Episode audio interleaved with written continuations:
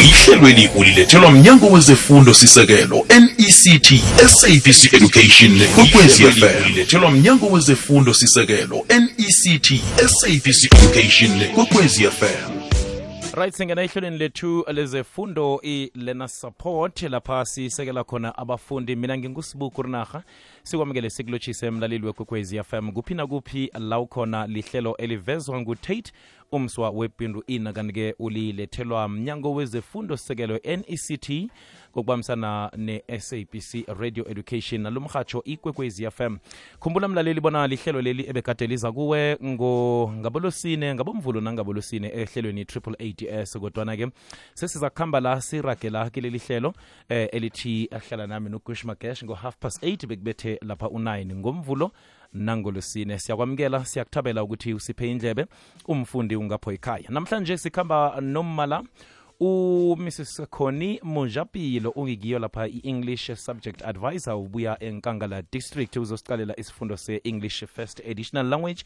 Asimamukele miss mujapilo siyakwamukela siyakulotshisa emhatshweni ikwekwezi fm lotshani niyavuka sivukile ninjani awa nathi sivukile besithokoza nesikhathi enisipha sona ebusuku namhlanje. Nami ngiyathokoza ngipha isikhathi.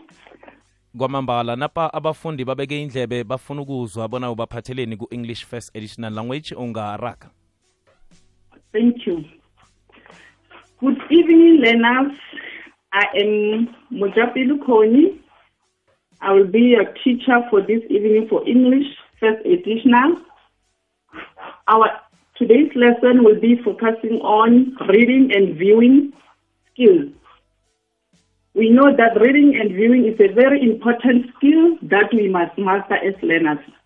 This is the most important skill as it is a receptive skill. We receive information through reading. We can also receive information by viewing pictures, cartoons, maps, and so on. So you need to master this skill. So under reading and viewing, we're going to focus on poetry, how to analyze a poem we need to first to understand what is a poem. A poem is a composition in verse or a composition in stanzas which paints pictures by means of poetic devices such as figurative language, rhythm, and rhyme. And I must say to you, learners, it's very important when we analyze a poem, when you read a poem, you must first also find background information of the the poet is the author of the poem or the persona. You must read more about the persona in order to understand the poem. This will help you to help you to have better insight. So why? Because poets reflect the events and ideas of their time through poetry. So that is why it's very important that you have knowledge of the background of the persona, the poet, the person who has wrote the poem. So now I want us to look at the key features of a poem. What is it that we must look at when we analyze a poem? I hope you are having your pen and notes to take notes. We are going to look at the key features of a of a poem. We know that a poem has external structure and internal structure. So it's very important that you know how to analyze a poem. Point number one, when we analyze a poem, we must establish the theme. What is the theme? The theme is the main idea, the central idea of the poem, what the poem is all about. And then as we read the poem, we will be able to know that this poem talks about love, or this poem talks about hatred, this poem talks about hate I mean corruption. So through theme, each poem conveys the message or the intention of the poet. The poet tell us about the message through the theme. The message may be explicit, it may be obvious, or it may be implicit, which means it is implied. So from the theme, for example, from the theme that talks about hatred, or from the theme that talks about love, what is it that we learn? What is it that we learn as learners? Or what is it, what is the, what was the intention of, of the poem or the moral of the poem. So you must establish the message after identifying what the scene is, what the poem talks about. That is point number one. Point number two, when analyzing a poem, you must look at the at the form. The form is the is the structure, the layout, the typography of the poem. Last we were taught about the short stories. So poem, poetry is a genre which is different from a short story, is different from a novel, the way it is structured. Novel and short story, they have sentences. Those sentences are grouped together is a paragraph. And in poetry, we have lines.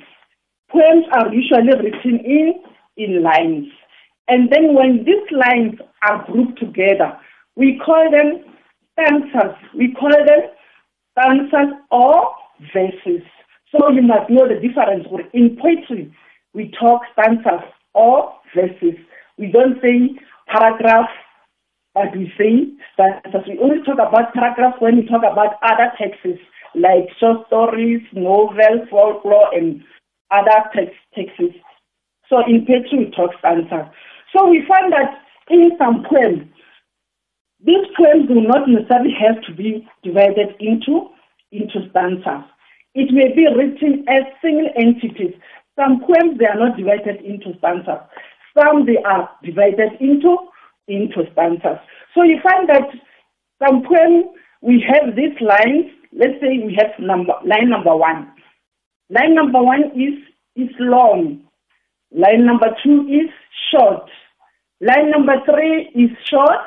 Line number four maybe is long. So you find that the lines are not equal in in length. So that's what you must notice when you do the external structure of a poem. You must look at how the poem is structured, or how many lines does it have, and then also look at the at the length of each line. So those poems where you find that there is no pattern, the lines are not the same in length, they are not equal in length. We call those type of poem free verse. In free verse, especially modern free verse, the poet defines his own form. There are no restrictions. There are no restrictions in the sense that there is no definite pattern. You may even find where a free verse, in most cases, it does not rhyme.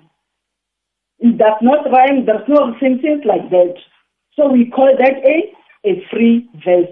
And in a free verse, the poet, they have what we call a poet license.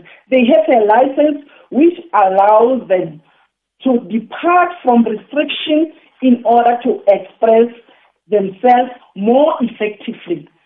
You, for example, we have this line that says, he galloped to the west.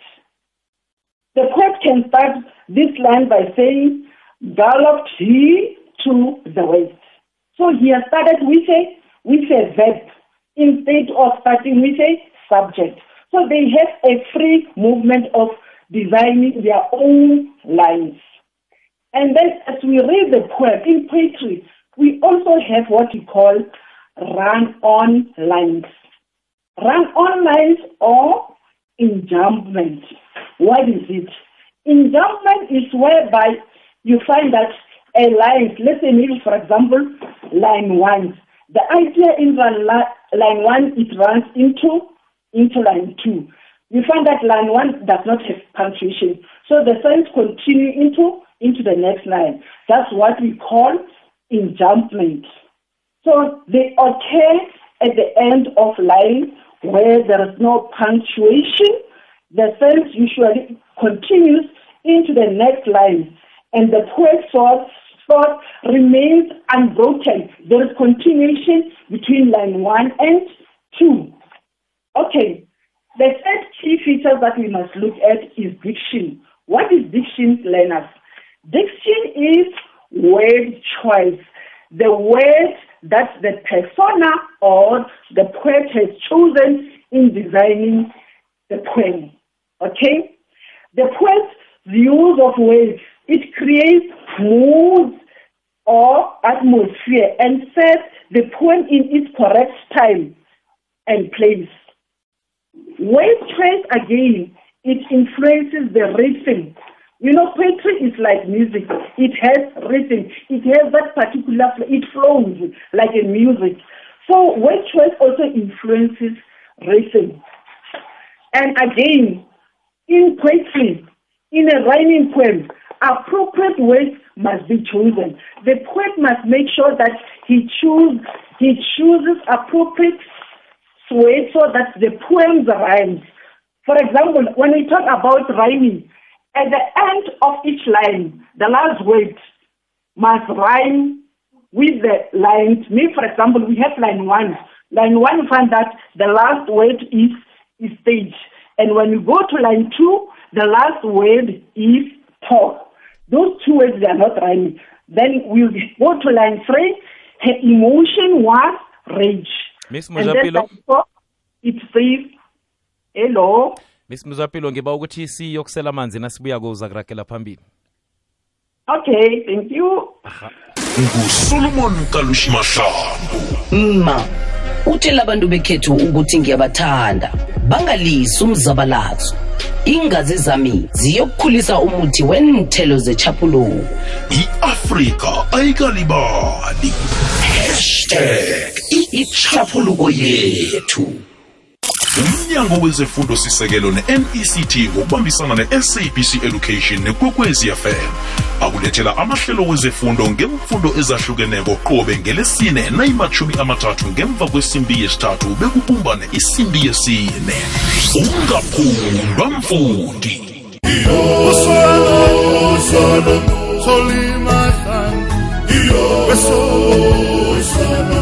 Usolomoni Usolomoni solimachan Solimahan Solimahan Aye Isocha Solomon Kanshmashabu E Africa Aigalibadi Hashtag Ichapuluko Singaphakathi kwehlelo lezefundo olulethelwa mnyango wezefundo sisekelo NECT ngokubambisana ne-SABC Radio Education nomhatsho lo ikwekwezi FM sikhamba nomiss mujapilo uvela enkangala district uyi-english subject advisor siphethe i-english first additional language miss mujapilo ungaragela phambili Thank you.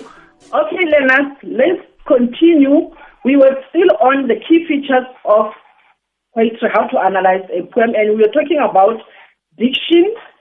We talked about rhythm. We're talking about rhyming words that in a rhyming poem, appropriate word choice is very important. I was giving you examples of words that rhyme. For example, I was saying, you find that I said the last word, we look at the last word in each line. For example, let's say we have line one, we have the last word as stage. And then the second word in line two, the last word is talk. And then line three, the last word, for example, is rage. And then line four, the last word is walk. If we look at stage, talk, rage, walk. Stage, we will number it A, and talk, we'll say is B. Rage, rhyme with stage, and then talk, rhyme with walk. Then we'll have A, B, A, B rhyme scheme. So, but not all the poems are rhyming. Like free verse, we don't have rhyming scheme in, in free verse.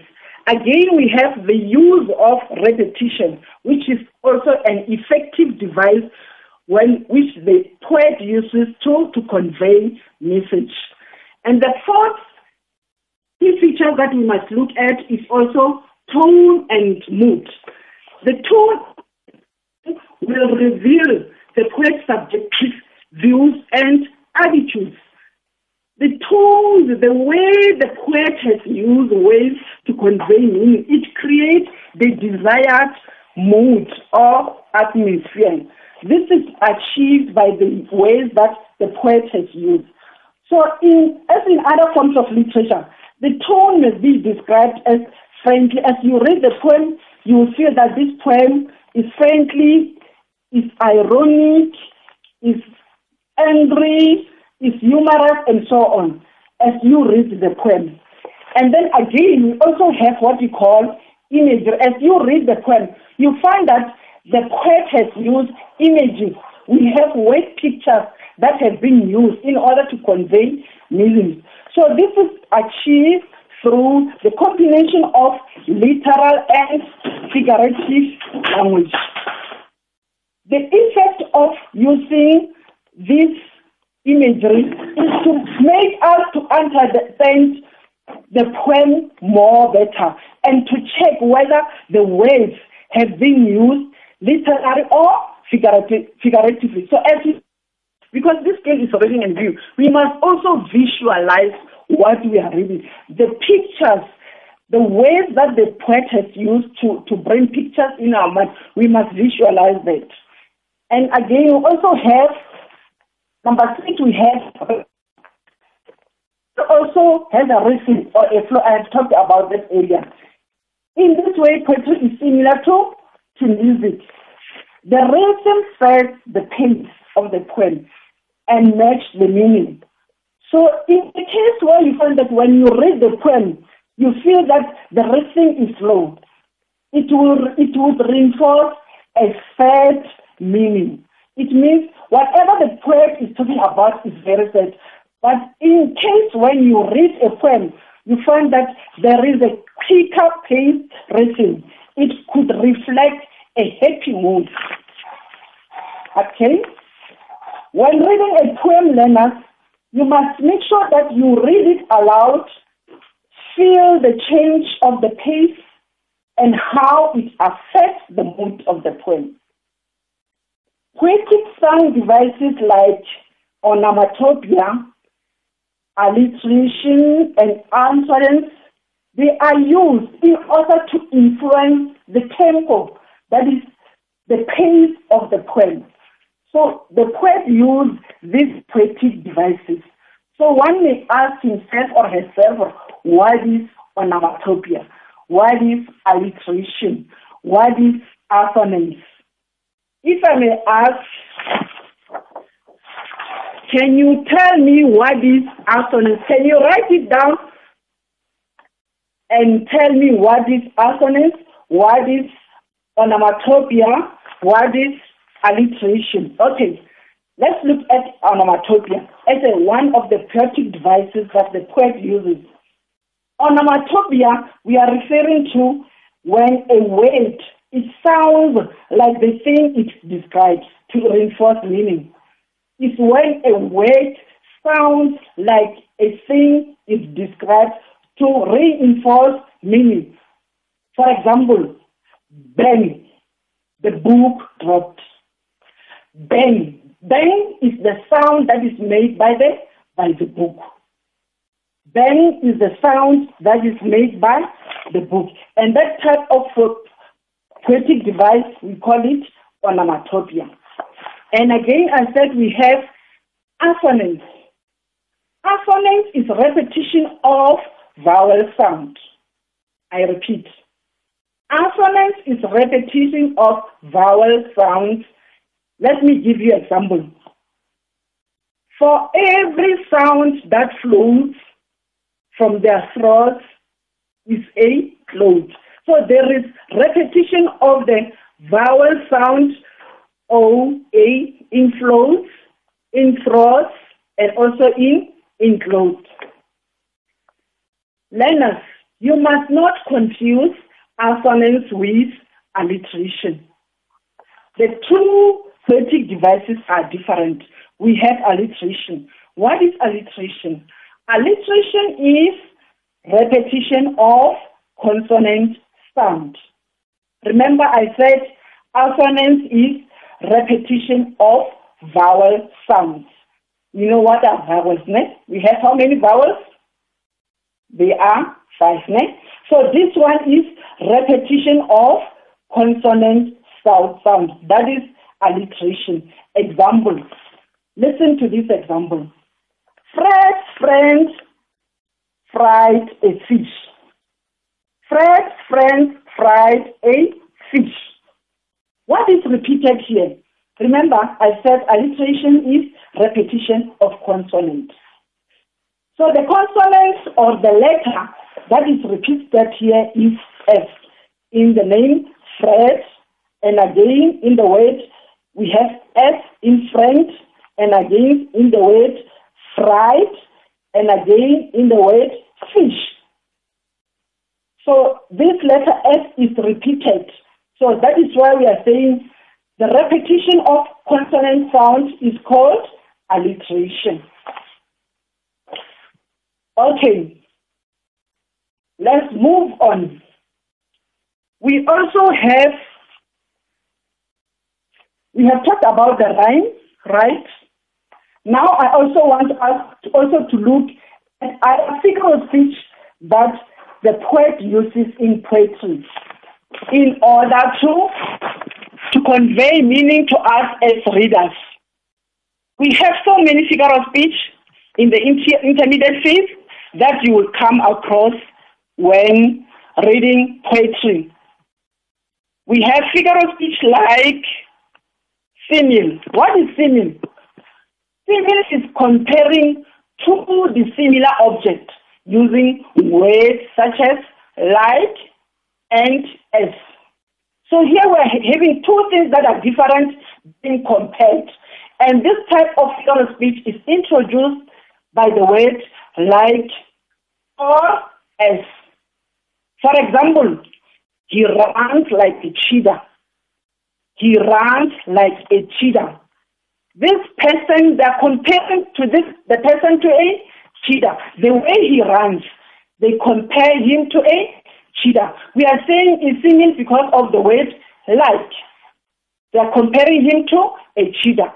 Another example is the human brain is like a computer. You know what is a computer? A computer can store a vast amount of information. So it's like the brain of a human being. So here we are comparing the brain to a, a computer. So we have another figure of speech which uses comparison. But in this case, is a direct comparison. And we call this figure of speech a metaphor. Metaphor. What is metaphor? A metaphor is a direct comparison where one thing is said to be another. We are directly comparing two things. These two things are different, but this is a direct con- comparison. For example, Maria is a is a pumpkin. We are comparing Maria to a a pumpkin. Another example we can say Maria is a Maria is a pig. Maria is a is a pig. We are comparing Maria to a pig. And then the difference between metaphor and simile is that simile is introduced by the word like and also as. And there are two dissimilar objects that are being compared. And then in metaphor, there is direct comparison. Two things that are different are compared. The comparison is direct. If I want to change the example that I have given to say Maria is a pig or Maria is fat, we can say when we change it to simile, we can say Maria is as fat as a, a pig. So it's no longer metaphor. We are saying it's a simile because we have used the word as. Maria is as fat as a pig or Maria is like a pig. It's a simile. But when we say Maria is a pig, it's a metaphor. It's a direct comparison. Okay, let's move on, learners. Another figure of speech is personification. What is personification? Person- personification is when an animate object is given human qualities. When we are giving human characteristics to something that is non-human, such as objects, ideas, or animals. For example, the sun smiled on us. The, sma- the sun smiled on us. Can the sun smile? No. Human beings can smile. So the sun has been personified. It has been given human qualities. Another example we can say the clouds are pregnant. The clouds are pregnant. Can clouds fall pregnant? No. So the cloud has been personified, has been given human qualities, which means when you, you have to under when you need to understand what does it mean when you say the clouds the clouds are pregnant. It means we can expect rain anytime. It is the, the, the, the cloud I mean it is covered with clouds, so it can rain anytime. So another type of figure of speech learners is hyperbole. Hyperbole is an exaggerated statement for humorous or dramatic effect. For example, I am so hungry. I could eat a horse. The way I am hungry, I can even eat a, a horse. Can you really someone eat a horse? Can you finish it? No. So the person is just exaggerating. He's just trying to show us the level at which she or he is hungry. So that's what we call exaggerating. I mean hyperbole. Another example is I have told you million times. Million times. Can you really tell a person million times? No. It's just an exaggeration to say, I have told you many times, but you did not listen. So these are figures of speech that you will come across as you read the poem. kwamambala And- miss mujapilong Oh, hello. kwamambala kwamambala sincebeze lapho I- isikhathi sethu sesitsho khona ukuthi sivale ngalesi sikhathi sithokoze khulu kwamambala bona ucocisane namtshana kufundise nje abafundi ababeke indlebe emhatshweni ikwekwezi fm Ngiyathokoza. Thank you. Thank you so much. Kwamambala sithokoza isikhathi sakho silijamisa la ihlelo lethu lethelwa mnyango wezefundo sekelwe nect sabc radio education nomhatsho ikwekwezi fm ngingusibuku rinarha lihlelo elivezwa ngutate umswa webhundu